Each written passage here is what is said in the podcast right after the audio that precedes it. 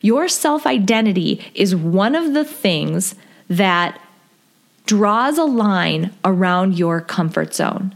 Your self identity is one signal to you that you are either inside or outside of your comfort zone because people like me do certain things and people like me do not do other things.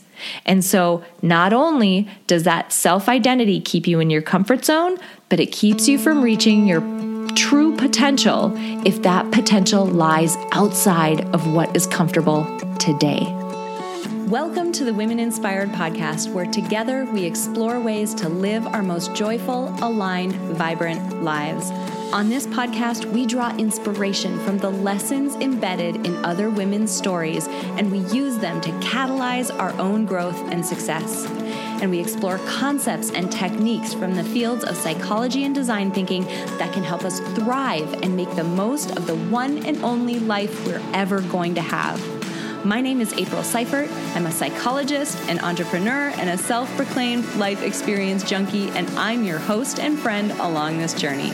This podcast is supported by Modern Well, a woman centered co opportunity workspace in Minneapolis, Minnesota. Friend, it is time to start living vibrantly, by design, and with intention. Here we go. Hey, friends, happy Monday! Monday! I'm coming to you with an episode of the podcast on a Monday, which is totally different than what I normally do. So let me explain just a little bit. The purpose of this podcast is to bring you the content and inspiration and information that you need to live your biggest, boldest, most aligned life.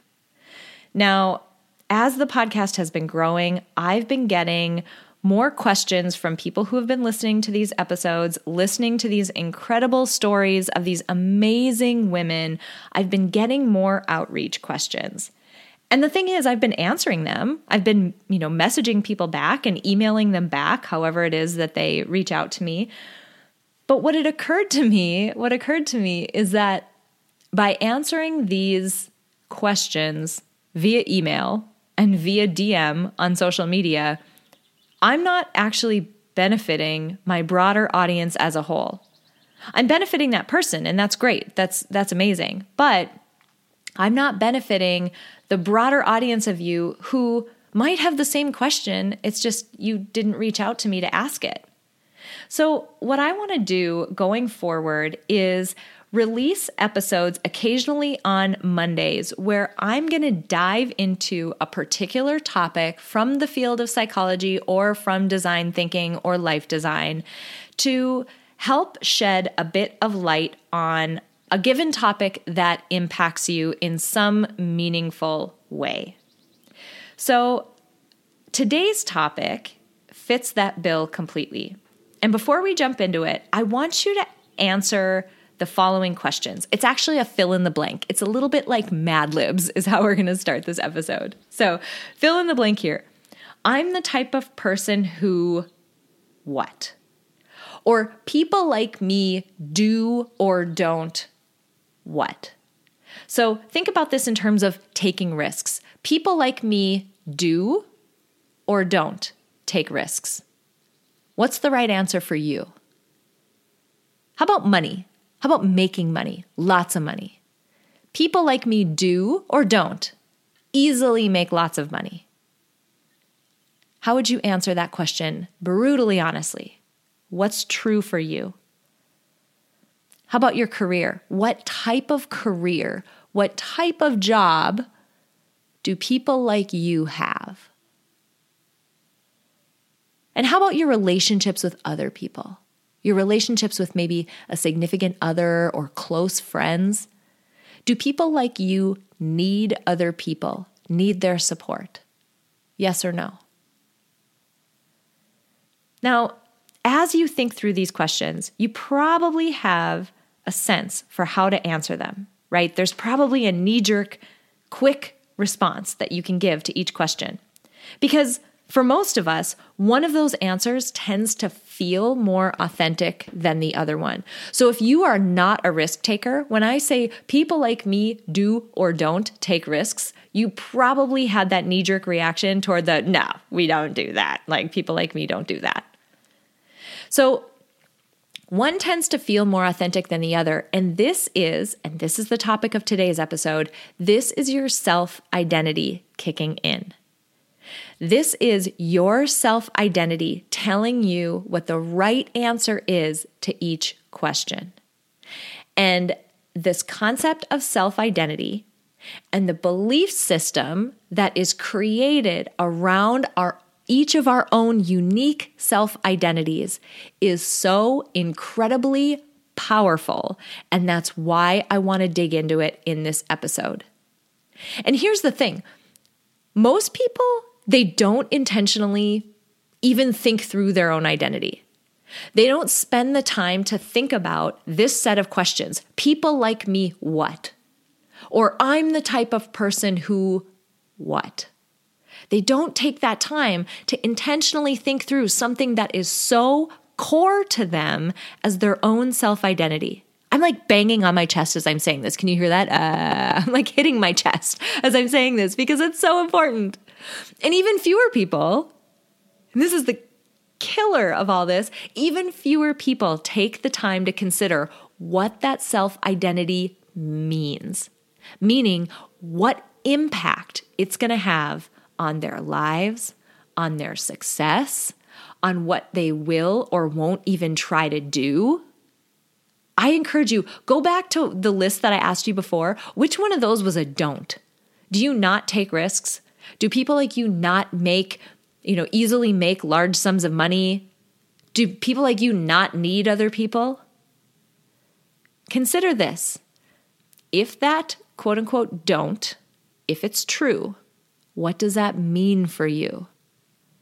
What does that mean you will or won't do? So think about risk taking. If people like you don't take risks, what are you think about what that's how much it can constrain what you're even willing to try.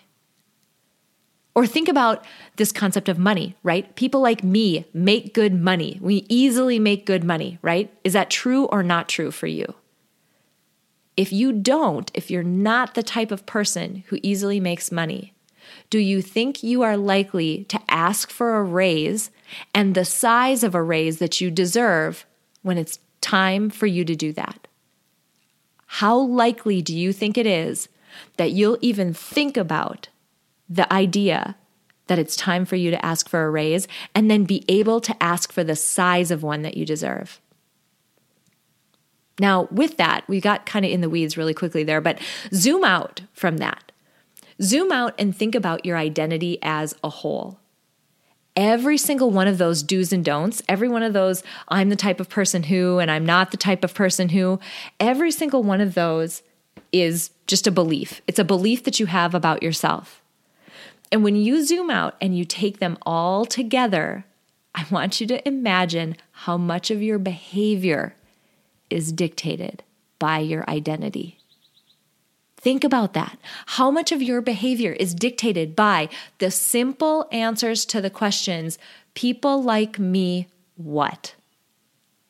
And, you know, sometimes this can be a good thing, right? People like me don't steal, people like me don't cheat.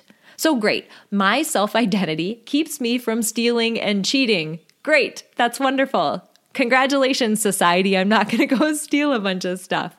But those beliefs that we have about ourselves they can also be bad in the sense that you've probably heard this in, you know, just media and out in popular culture. They can be self limiting. Those beliefs about ourselves can put a ceiling on our potential that is not true. It's not actually what our true potential is. Our true potential is so much beyond that, but we can't see it and we're not willing to shoot for it because we have a belief in our identity of who we are and that's keeping us from even seeing that that is a direction or a path we could go down. All right, so today I want to talk a little bit more about this concept of self identity. I want to talk about how it's formed. So, this is cognitively how it's formed. I want to talk about how it shapes and why it shapes our behavior. There's actually an adaptive reason for it, even though it can be a total bummer sometimes because it keeps us from doing things we want to do. So, I want to talk about how it can shape our behavior. And then I want to talk about what you can do about it. And with that, I want to make sure that you know there is an absolutely free workbook. This is a hands on, free, downloadable PDF workbook that goes with this uh, week's podcast session. You don't need it while you're listening to this podcast episode, but what I would encourage you to do is head over to the show notes page, click the link in this episode description to head over to the show notes page for this episode and download that workbook because that workbook is going to guide you through sort of a think about it as like a self identity diagnostic. It's going to go through a number of different facets of your self identity and help you intentionally think through are you the type of person who does or does not do this thing in a bunch of different domains? And then it leads you through a hands on exercise about what to do from there and where to go. So get that download. It's super valuable. I was so excited to put it out there because this concept of self identity, which we'll dive into more in just a moment, it is so incredibly powerful in terms of how it shapes our behavior. So get that download, make sure you go through it. And if you experience any kind of shift as a result of it, I want to hear from you. I'm pounding on my chest again. Man, I'm going to be like sore by the end of this episode. I'm so fired up about this topic. I can't even handle it.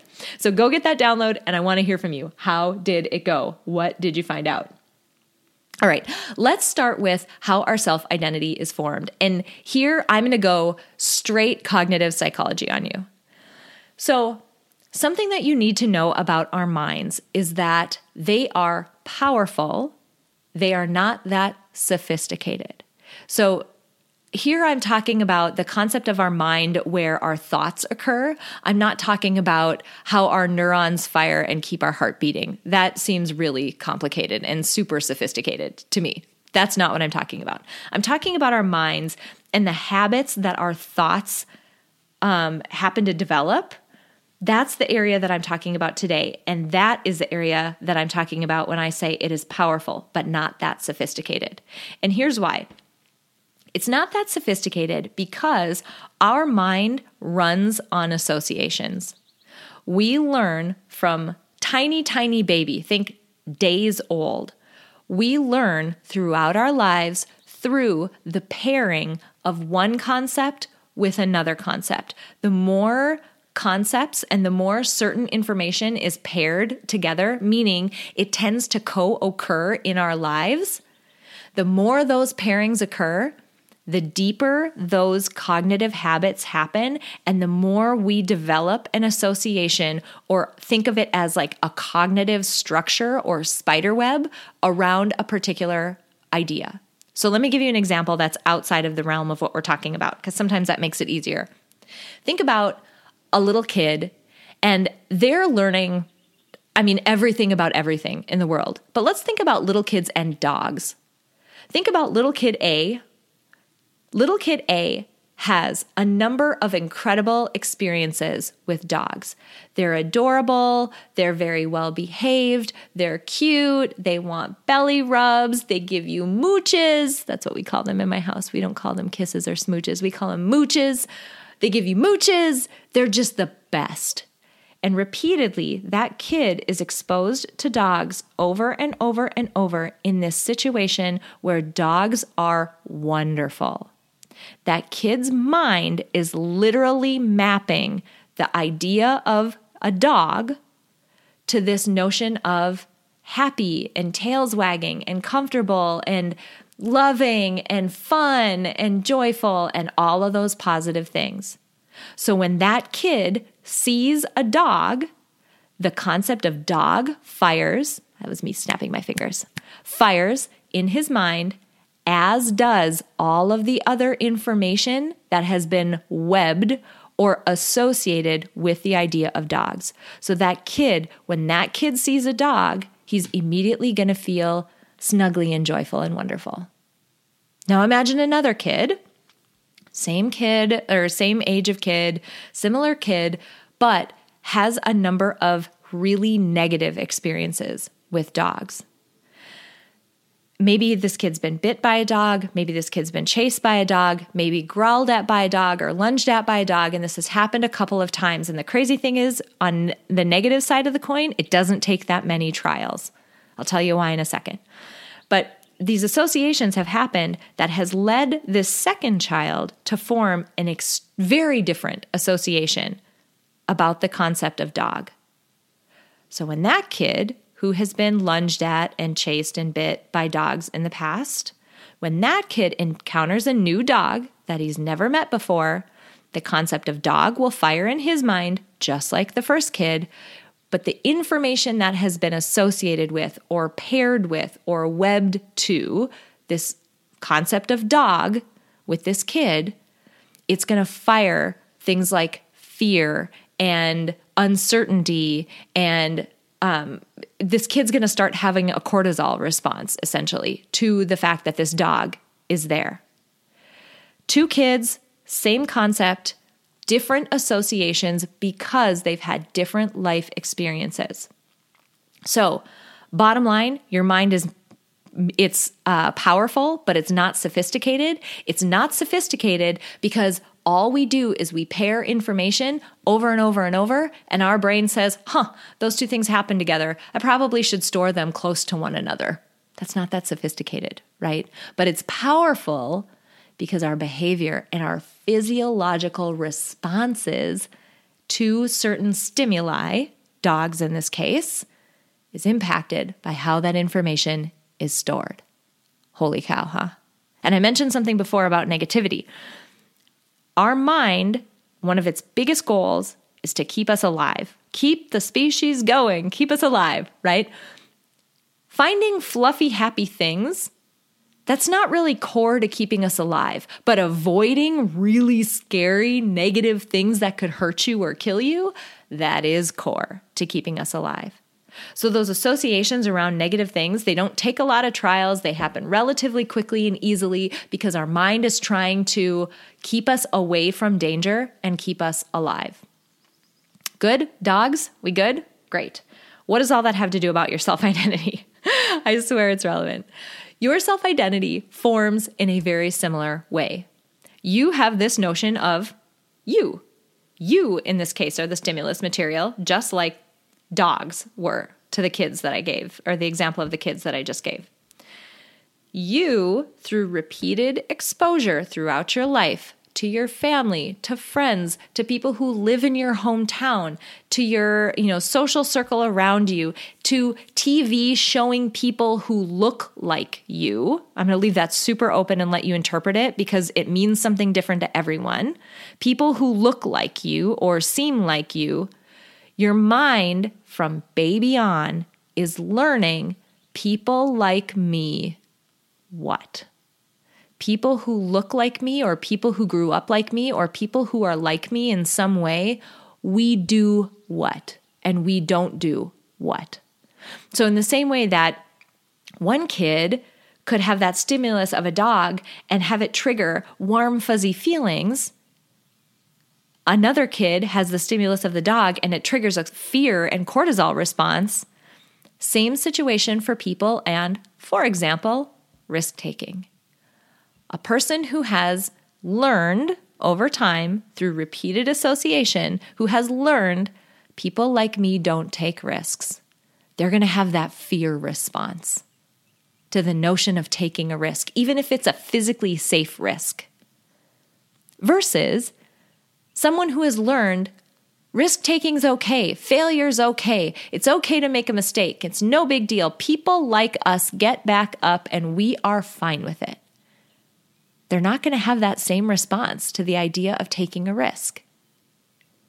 Now, again, zoom back out to all of those questions that I asked. And I mentioned the download. There is a ton more domains to consider in that download. It's very, very robust. But think back to all of those areas that I talked about before. So, risk taking, making money, the type of career you have, whether you need other people your self identity, and let's shift into now, you know, not just how it's formed, but how it shapes our behavior. Your self identity is one of the things that draws a line around your comfort zone. Your self identity is one signal to you that you are either inside or outside of your comfort zone because people like me do certain things, and people like me do not do other things. And so, not only does that self identity keep you in your comfort zone, but it keeps you from reaching your true potential if that potential lies outside of what is comfortable today. Think about that. Your self identity can be self limiting because it keeps you from doing things that aren't in alignment with what that identity is. And one of the processes that this operates through is something called cognitive dissonance, which you've probably heard of in Psych 101. If your behaviors and your the like if the things that you say and the things that you do are not in line with a belief system that you have and your identity is just a bunch of beliefs that have you know that you've learned over time and associated with yourself if you're acting or speaking out of alignment with a set of beliefs that you hold to be true, you experience this psychologically icky feeling of cognitive dissonance. It's not a comfortable state to be in. So think about that. Your identity forms through these associations, which, by the way, the fact that people form different associations means they're not true. Nuts, huh? People like me don't start companies? No, someone just like you has a different association about themselves, and that's why they're starting a company, right? Do you get this? Do you get why this is so important? I'm starting to bang on the desk again. It's so important because those beliefs that you have about yourself, they came from society around you and from the associations that your mind, as unsophisticated as it is, created you could have just as easily gotten the opposite. Consider for one moment that the beliefs that you have about yourself are not true. What? Right? What if your true potential is so far out of that comfort zone that your self identity has set for you? What if you don't ever reach it? And let's turn a corner now into what to do about it. The reason why I created the download for this episode is because I want you to go through an intentional exercise of thinking about what your self identity is and what it means for the behaviors that you do, for goals you set, for how long you persist at those goals, what you do when you start to fail, and ultimately how successful you will be. Your self identity can be incredibly protective, but it can also be incredibly constraining. So, I want you to consider for just a moment that the way that your self identity formed, this isn't black and white truth. It's just a set of beliefs. And before I close out today, I want to plug one more time the free download for this week's episode, for this Monday episode. Go through it. Go through that intentional exercise of diagnosing your own self identity and thinking about how that might be shaping your behavior because you're going to start to see cracks in the facade. You're going to start to question, and this is what to do about it. You're going to start to question those beliefs, are they actually true? Do I really know for certain that no one who's like me could ever start a company? I'm totally relying on my old set of beliefs about myself. Do I really know? And if you listen to my episode with Sylvie Kukasian, you heard me talk about this so much. Do I know that I don't need other people? I had insane, insecure attachment before I got married. And that belief about myself made it made my relationships extremely difficult. So, these beliefs that we have, our own self-identity, it is extremely powerful and extremely impactful on the experience that we have day to day and what we're willing to go after in our own lives. So I encourage you get intentional, diagnose your own and figure out where your actual potential lies, even if it's outside of that comfort zone. Start nudging that comfort zone out so that it finally envelops that true potential. All right, you guys, I hope you have an amazing rest of your week. Wednesday, there is an incredible interview episode coming up. I hope you guys found this valuable. Please go grab that download and let me hear from you about what you're discovering about yourself. I'd love some feedback. All right, you guys, have a great rest of your week. Before we close out today, I want to say thank you to my producer, Cameron Hill, and to my incredible sponsor, Modern Well. If you want to learn more about how you can reach your goals in a one of a kind work life community, visit www.modernwell.co. If you enjoyed this episode, please share it with someone else who might benefit from this inspiring message. And if you have a moment, click the link in the episode description to leave me a rating and a review on iTunes. It would mean so much to me. Finally, I want to remind you that it is absolutely possible to live a happy, fulfilling life, even in spite of all of the chaos and demands we all experience. Sign up at aprilseifert.com to gain access to tools that will help you do just that. I have carefully created and curated a set of tools that combine the powerful fields of psychology and design thinking to help you intentionally create a fulfilling, happy life you love. Thank you so much for joining me this week, and until next week, stay inspired.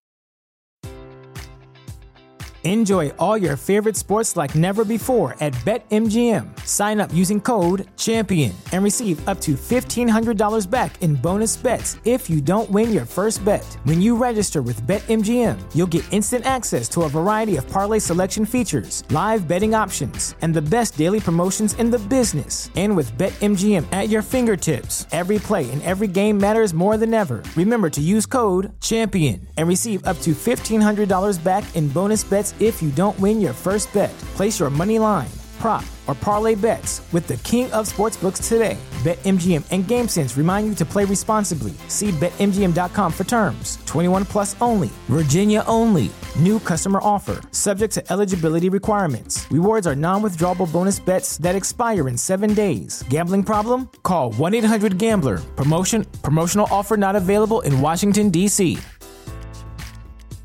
At Parker, our purpose is simple.